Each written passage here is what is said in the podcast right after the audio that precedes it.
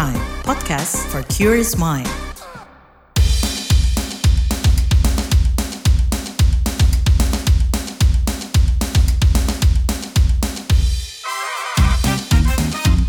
What's Trending KBR Pagi, siaran pagi radio paling update. KBR Pagi, siaran pagi radio paling update. Selamat pagi, apa kabar kalian semuanya di hari Selasa 4 Juli 2023. Kembali lagi saya Don Brady menjadi teman pagi hari kalian semuanya di What's Trending KBR Pagi pastinya. Nah jadi belakangan berbagai kasus perundungan atau bullying meramaikan dunia pendidikan Indonesia. Salah satunya kasus meninggalnya seorang anak berusia 8 tahun di Medan, Sumatera Utara. Anak yang duduk kelas 1 SD itu meninggal dunia setelah diduga menjadi korban perundungan lima kakak kelasnya. Lalu di waktu yang berdekatan juga ada kasus pembakaran sekolah di Temanggung, di mana pelaku pembakaran merupakan korban perundungan. Tak tahan dengan perundungan yang diterimanya siswa kelas 7 SMP negeri itu pun membakar sekolahnya. Sang pelaku berinisial R pernah mengadukan perundungan yang dialaminya namun diduga tak mendapat respon yang memuaskan. Ia malah dilabeli sebagai anak yang caper atau cari perhatian. Nah pagi ini kita mau obrolin kenapa kasus bully atau perundungan tidak boleh disepelekan dan bagaimana harusnya kasus ini ditangani. Kita bakal bahas setelah komentar netizen plus 62 berikut ini.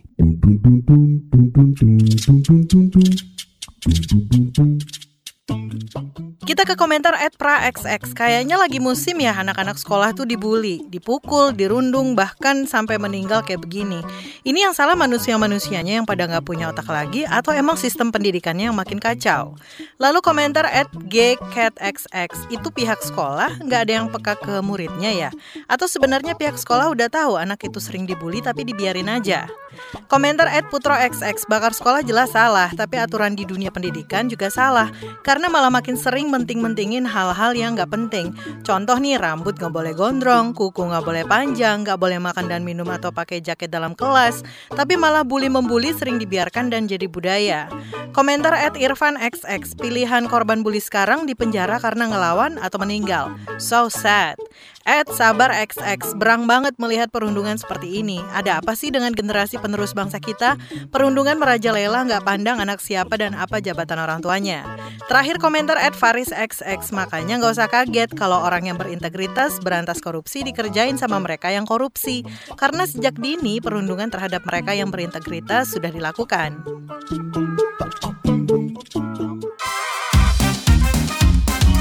Trending KBR Pagi, siaran pagi radio paling update. Kita lanjutkan obrolan kita pagi ini. Jadi Dewan Pakar Federasi Serikat Guru Indonesia Retno Listiarti menganggap kasus pembakaran sekolah di Temanggung akibat kelalaian pihak sekolah menangani kasus bullying. Belajar dari kasus ini, Retno meminta pemerintah dan sekolah memperhatikan kasus bullying dengan membuat satgas.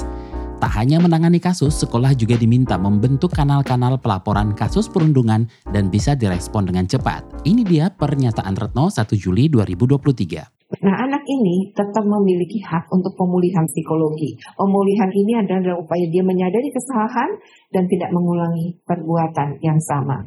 Tetapi memang ini adalah pelakunya anak dan ada latar belakang panjang sebelumnya. Tidak mungkin dia melakukan sesuatu secara tiba-tiba seperti ini, gitu ya. Kita memang menganggap ini bukan kenakalan biasa betul. Tetapi ketika dia memilih di malam hari, gitu ya, itu kan juga meminimalkan korban sebenarnya ya ya bahwa anak-anak yang mengalami perundungan sekolah itu harus melakukan bantuan, harus membantu pemulihannya juga. Nah untuk itu anak-anak yang menjadi pelaku tentu harus diberi efek jerah juga sesuai dengan aturan sekolah. Gunakan Permendikbud nomor 82 tahun 2015 tentang pencegahan dan penanggulangan tindak kekerasan di satuan pendidikan. Untuk itu sekolah wajib nanti dari peristiwa ini untuk membuat satgas anti kekerasan yang terdiri dari perwakilan murid, perwakilan guru, dan perwakilan orang tua. Nah, kemudian juga harus membuat sistem pengaduan dan juga harus Satgas ini akan melakukan penanganan. Jadi jangan biarkan juga pembulian terus terjadi karena korban yang merasa sakit hati terus menerus melakukan seperti itu bisa saja nekat melakukan hal seperti ini. Kenapa bullying atau perundungan nggak boleh disepelekan? Psikolog Adi Waluyo mengatakan ada banyak dampak, khususnya dampak psikologi pada korban bullying. Salah satunya adalah gangguan kecemasan menyakiti diri sendiri hingga memiliki dorongan bunuh diri. Bahkan kepercayaan diri dan minat belajar seorang anak bisa terganggu. Lebih lengkap soal dampak bullying ini, ini dia penuturan psikolog Adi Waluyo di acara bullying, bentuk dan dampak psikososialnya. Nah, kalau kita amati, bullying itu memberikan dampak pada banyak sekali hal. Ini memang yang saya bahas lebih detail adalah pada korban. Meskipun pada pelaku pun ada dampak-dampak terkait dengan perkembangan perilakunya, perkembangan moralnya ke depan dan sebagainya. Nah, pada korban sering kali ini mempengaruhi konsep diri. Di antaranya yang sering kami temui adalah kurang percaya diri. Nah, anak-anak yang dibully itu sering kali kurang percaya diri. Karena kadang-kadang kalau kita nanti dibahas lebih lanjut di bagian kedua, karakteristik anak yang rentan dibully itu memang kadang-kadang rendah diri, kurang percaya diri, ada hambatan dalam komunikasi dan sebagainya. Kemudian pandangan negatif kepada diri sendiri. Ini anak itu betul-betul ketika kami dan ini memang betul-betul merasa saya ini jelek, saya ini nggak bermakna, saya ini dan lain sebagainya. Jadi kata-kata itu terinternalisasi dalam pikirannya sehingga dia mengiyakan ah saya memang seperti. Nah hal inilah yang membuat konsep diri pada korban bullying itu sering kali terdampak secara negatif. Kemudian secara akademik, tentu sering kali korban bullying itu motivasi belajar anak menjadi lebih malas dalam belajar. Apa kaitannya? Semangat dalam belajar itu kan timbul ketika anak bisa menghubungkan aktivitas belajar dengan sukacita. Nah, ketika anak dibully, sekolah kan tempat belajar yang harusnya bisa anak hubungkan dengan rasa sukacita, tapi karena dibully tidak bisa lagi dihubungkan dengan rasa sukacita, dengan rasa cemas, misal cemas dibully, takut dan sebagainya, sehingga anak motivasi belajarnya menurun. Nah, karena motivasi belajar menurun, tentu prestasi belajar ini bisa sangat mungkin untuk terganggu. Sampai anak itu trauma, melihat gerbang sekolah saja sudah teriak lari, tidak mau, apalagi masuk ke hal-hal inilah yang ketika kami gali ternyata anak ini mengalami bullying. Nah, kemudian yang paling utama juga dampak bullying terhadap kesehatan mental ini sangat bisa menimbulkan trauma atau luka batin jangka panjang. Anak bisa menjadi susah untuk percaya temannya, susah di masa dewasa menjalin hubungan yang bermakna dengan orang lain karena ada ketakutan, ada trauma akan kejadian bullying yang menimpanya. Kemudian bisa memicu munculnya gangguan psikologis ini banyak sekali jenisnya menimbulkan gangguan kecemasan, ada yang sampai depresi ya, hingga ada pikiran bunuh diri, beberapa kasus hingga muncul halusinasi, waham, takutan dan lain sebagainya. Ini betul-betul terjadi. Newsbeat. Penurunan pertumbuhan penduduk di Tiongkok mendorong sebuah perusahaan travel mengucurkan 2 triliun rupiah untuk karyawannya yang memiliki anak. Subsidi ini diberikan pada karyawan yang bekerja minimal 3 tahun. Saat anak mereka lahir, dikabarkan perusahaan akan memberikan 10 ribu yuan atau sekitar 20 juta rupiah per anak. Tak habis di situ, perusahaan juga memberikan tunjangan sampai usia anak karyawan tersebut genap 5 tahun. Tunjangan ini diberikan agar anak-anak bisa dititipkan ke tempat penitipan dan tidak mengganggu keprofesionalan karyawannya. Perusahaan travel itu juga meminta karyawannya tidak takut untuk membangun keluarganya sendiri. Hasil penelitian Institute of Global Tobacco Control IGTC di Johns Hopkins Bloomberg School of Public Health menemukan zat tambahan dalam rokok yang lebih berbahaya dari nikotin, yaitu perasa kimia mulai dari mentol hingga perasa buah-buahan. Perasa ini bisa menimbulkan sejumlah permasalahan, mulai dari edema paru-paru berdarah, infeksi saluran pernafasan hingga radang akut pada paru-paru. Padahal kandungan nikotin pada rokok saja sudah menyebabkan kanker, diabetes, hingga keguguran pada ibu hamil. Bos media sosial Twitter Elon Musk membatasi penggunaan akun Twitter gratisan. Akun-akun yang tidak terverifikasi rencananya akan dibatasi postingan dan pengunggahan status perharinya. Meski begitu, Elon mengeklaim pembatasan ini hanya berlaku sementara. Elon mengatakan pembatasan untuk mengatasi tingkat penarikan data dan manipulasi sistem. Tak ayal nama Elon dan Twitter down pun trending di media sosial tersebut. Banyak keluhan soal feed yang tidak bisa dimuat lantaran ada pesan, maaf tindakan Anda dibatasi. Silahkan tunggu beberapa saat lalu coba lagi.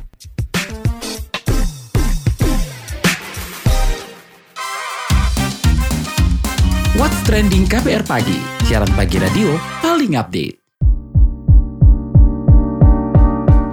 Kita lagi ngobrolin bullying tak bisa disepelekan. Nah, melihat bagaimana penanganan bully di sekolah, apakah perundungan hanya dilakukan di lingkungan sekolah atau secara langsung? Yuk kita bahas bareng program manajer Yayasan Semai Jiwa Amini atau Sejiwa, Andika Zaki Nugroho Kadir. Oke, apa nih catatan Anda terkait dua kasus perundungan yang belakangan menyita perhatian publik, yakni di Temanggung dan di Medan, di mana siswa SD sampai kehilangan nyawanya?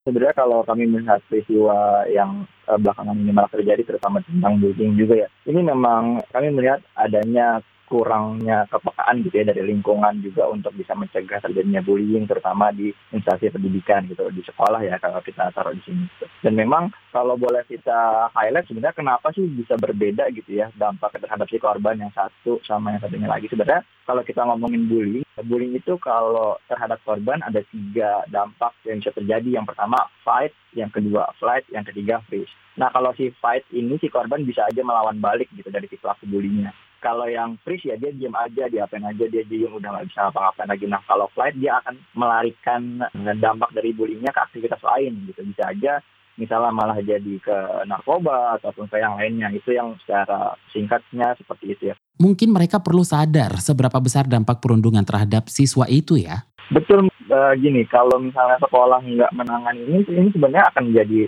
uh, sesuatu yang bisa berdampak ke siswa-siswa lainnya gitu. Karena bullying ini bisa dibilang itu melibatkan tiga pihak. Yang pertama korbannya, pelakunya, dan juga saksi. Si saksinya ini bahkan bisa ikut-ikutan jadi korban atau ikut-ikutan jadi pelaku. Gitu. Jadi kalau misalnya dijamin aja masuk sekolah, bisa jadi korban yang bertambah atau bisa jadi pelakunya yang bertambah. Nah, ketika ada salah seorang gitu, di dalam grup ini atau beberapa orang yang nggak suka dan melakukan bullying terhadap suatu pihak, yang lainnya ini kadang-kadang malah jadi ikut-ikutan. Sebenarnya mereka nggak pengen ngebully gitu. Nah, kalau ini dibiarkan aja, jadi pelakunya bisa bertambah gitu. Atau korbannya. Kita taruhlah contoh saksi gitu ya, melihat ada kejadian bullying.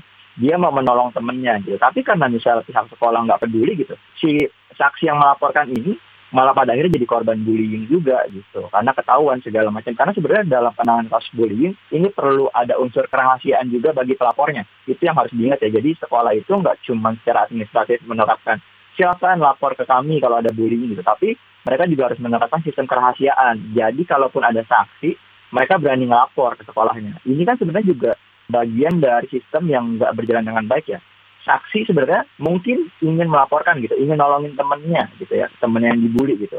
Tapi ketika sekolah nggak bisa menjaga kerahasiaan, ya pasti dia jadi takut dong. Nah, seperti apa mestinya penanganan kasus perundungan di sekolah, baik kepada korban maupun pelaku? Biasa atau instansi pendidikan secara buru-buru mempertemukan korban dan pelakunya gitu. Jadi karena mereka ingin cepat-cepat selesai gitu ya, mereka secara buru-buru ya korban sama pelaku dipertemukan gitu aja gitu supaya damai gitu kan biasanya disuruh maaf-maafan di ruang BK atau di ruang kepala sekolah dipertemukan gitu. Padahal nggak bisa seperti itu karena bisa jadi si pelaku ternyata memang punya traumatis terhadap si si korbannya punya traumatis terhadap si pelakunya. Jadi dia ya udah takut gitu kan dia nggak bisa apa-apa tapi malah dipertemukan jadi malah menimbulkan trauma baru bagi si korbannya dan juga buat si pelakunya ya kalau dipertemukan seperti itu dan dia ngerasa ah uh, pihak sekolah cuma nyuruh saya minta maaf aja gitu udah selesai gitu. Karena si korbannya juga nggak nuntut apa-apa gitu kan. Pada akhirnya si pelaku akan jadi ya udah terbiasa gitu untuk melakukan tindakan bullying. Jadi jangan ketika ada uh, misalnya ada ada yang melapor gitu saksi melapor kepada guru BK gitu bu saya melihat tindakan bullying dilakukan oleh A gitu. Nah si guru ini langsung meng, apa ya namanya menginterogasi A gitu ya kamu ngakuin bullying ya? Gitu. Si A nya nggak mau ngaku gitu. Tapi gurunya malah menjelaskan iya tadi si B ngelaporin kalau dia nggak kamu melakukan tindakan bullying. Nah ini juga yang banyak terjadi juga gitu di sekolah-sekolah. Dan ini memang sebenarnya nggak bisa gitu karena harus ada unsur kerahasiaan. Harus ada jemput bola juga jadi nggak bisa untuk nunggu laporan aja. Tapi guru juga atau dari lembaga pendidikan juga harus aktif juga nih melihat kondisi-kondisi dari si anak-anaknya barangkali udah ada tindak tanduk dari si korban yang udah mulai aneh nih, udah takut ke sekolah, atau di sekolah diem aja, jarang mengerjakan tugas segala macam. Nah ini juga perlu ditelisik lagi. Jadi jangan sampai si korbannya udah berdampak parah gitu ya, sampai ingin bunuh diri segala macam baru ditindaklanjuti karena bisa aja korban emang nggak berdaya atau takut untuk melapor. Seperti apa tren perundungan sekarang ini? Ya kalau tren di cyberbullying ya itu juga sekarang meningkat banget. Kalau dari data UNICEF ya bahkan setengah remaja di Indonesia pernah mengalami cyberbullying. Tapi yang melakukan tindakan terhadap cyberbullyingnya nggak lebih dari 30 persen gitu sekitar segitu dan juga memang ternyata untuk cyberbullying ini jadi marak banget karena sifatnya anonim nah dengan menggunakan second account di mana sifatnya anonimitas dia bisa menjadi lebih bebas di ruang digital. Bahkan di ruang digital ini trennya itu ada orang yang nggak dikenal ya bisa aja membuli orang yang mau dia bully gitu. Karena banyak orang sebenarnya nggak pengen ngebully, tapi ketika dia melihat ada sesuatu gitu ya tindakan di mana orang lain membuli gitu ya, orang yang dia nggak suka, oh orang A nih ngebully nih, saya ikut aja deh karena saya setuju gitu. Jadi ada unsur seperti itu juga yang bisa terjadi di ruang digital dan memang trennya sekarang makin marak gitu ya. Gitu kalau ada korban bullying di sekolah, tapi dia juga jadi korban cyberbullying, ini bisa berlangsung 24 jam. Sudahkah Permendikbud tentang pencegahan dan penanggulangan tindak kekerasan ditarakan? Apa kendalanya? Lalu seberapa penting pembentukan Satgas ini? Kita pertama nggak bisa menyalahkan sekolah gitu ya, maksudnya nggak bisa kita menyalahkan sekolah karena kadang-kadang memang sumber dayanya juga nggak nggak sepadan gitu. Kalau kita lihat peraturan terkait dengan guru BK aja, guru BK itu minimal menangani 150 anak gitu ya kalau di uh, sekolah-sekolah. Kalau kita pikir-pikir ya untuk penanganan anak itu kan rumit ya. Dan ini dipegang sama satu guru BK gitu untuk 150 anak. Dan itu kan belum tentu guru BK yang memang udah mendapatkan pelatihan segala macamnya untuk menangani kasus-kasus seperti ini. Ya balik lagi memang sumber dayanya juga harus diperhatikan. Mungkin bisa ditempatkan juga beberapa guru BK ataupun beberapa psikolog yang dedicated buat sekolah. Sebenarnya ini adalah kalau kita mengikuti peraturannya sudah cukup baik ya dalam Permendikbudnya gitu ya. Tapi memang penerapannya yang belum merata gitu. Jadi memang sulit dengan beberapa sekolah yang kualitas sumber dayanya yang tidak rata, terus juga bahkan beberapa sekolah juga kekurangan guru-guru juga segala macam. Untuk guru backup pun kadang-kadang diambil bukan dari lulusan yang memang punya kapasitas di bidang tersebut. Apa sikap yang harus diambil guru, orang tua maupun kepolisian jika sampai ke ranah penegak hukum? Memang sebenarnya dari awal banget itu pencegahan penting banget. Jadi kalau dari pihak sekolahnya ya memang harus mempersiapkan semua guru-gurunya juga untuk harus paham terkait dengan bagaimana sih penanganan terhadap anak gitu. Jadi guru tuh nggak bisa cuma dia ngasih pelajaran aja gitu. Karena kalau misalnya seorang guru gitu ya untuk ngasih pelajaran itu basisnya terhadap nilai aja yang dilihat gitu nilai uh, 1 sampai 10 misalnya itu nggak bisa. Tapi juga pendekatan-pendekatan menghargai anaknya anaknya melakukan apa menghasilkan karya apa itu juga harus dihargai sama guru-gurunya. Dan di sini penting untuk cara dari pemerintahan dari sekolah ya ya menguatkan kapasitas dari si guru-gurunya gitu secara keseluruhan. Karena kalau kita lihat kan memang anak-anak ini butuh dihargai juga ya dan juga dia butuh didengarkan pendapatnya dan juga ada respon. Ini juga penting gitu. Dan dari pihak orang tua, orang tua juga harus punya pendekatan terhadap anak gitu. Kalau kami di Sejiwa sendiri untuk orang tua, kami harus memberikan kepada orang tua gitu ya, bagaimana parenting kepada anak sih gitu. Jadi kalau orang tua mau dekat sama anak seperti apa, nah ini penting untuk adanya komunikasi antara anak dengan orang tua. Dan juga kalau dari pihak kepolisian memang harusnya uh, pihak kepolisian itu udah menyadari tentang uh, hak hak anak gitu ya untuk dilindungi segala macam. Apalagi di sini tadinya si anak ini ada adalah korban gitu. Dan anak-anak ini memang sebenarnya nggak boleh di show ke hadapan publik gitu ya. Kalaupun memang harus klarifikasi ya memang dilakukan dengan cara yang memang ramah anak juga gitu. Apalagi memang tadi dibilang anak ini adalah korban bully juga. Terima kasih Program Manajer Yayasan Semai Jiwa Amini, Andika Zaki Nugroho Kadir.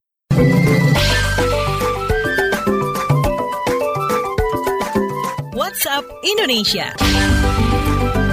WhatsApp Indonesia kita mulai dari Solo, Jawa Tengah. Wali Kota Solo Gibran Raka Buming Raka merespon bentrok sesama supporter saat laga awal musim Liga 1 Persis Solo versus Persebaya di Stadion Manahan Solo. Usai ditangani secara hukum, Gibran menyatakan pelaku kekerasan masuk daftar hitam dan dilarang menonton laga di stadion mana pun. Sebagaimana diketahui, konflik antar supporter terjadi di Stadion Manahan akhir pekan kemarin. Terjadi aksi saling lempar dilempar di antara deretan tribun penonton. Aksi berkelanjutan hingga di perbatasan Solo Karanganyar yang berakibat empat orang luka, satu di antaranya mengalami luka tusuk dan dilarikan ke RS terdekat.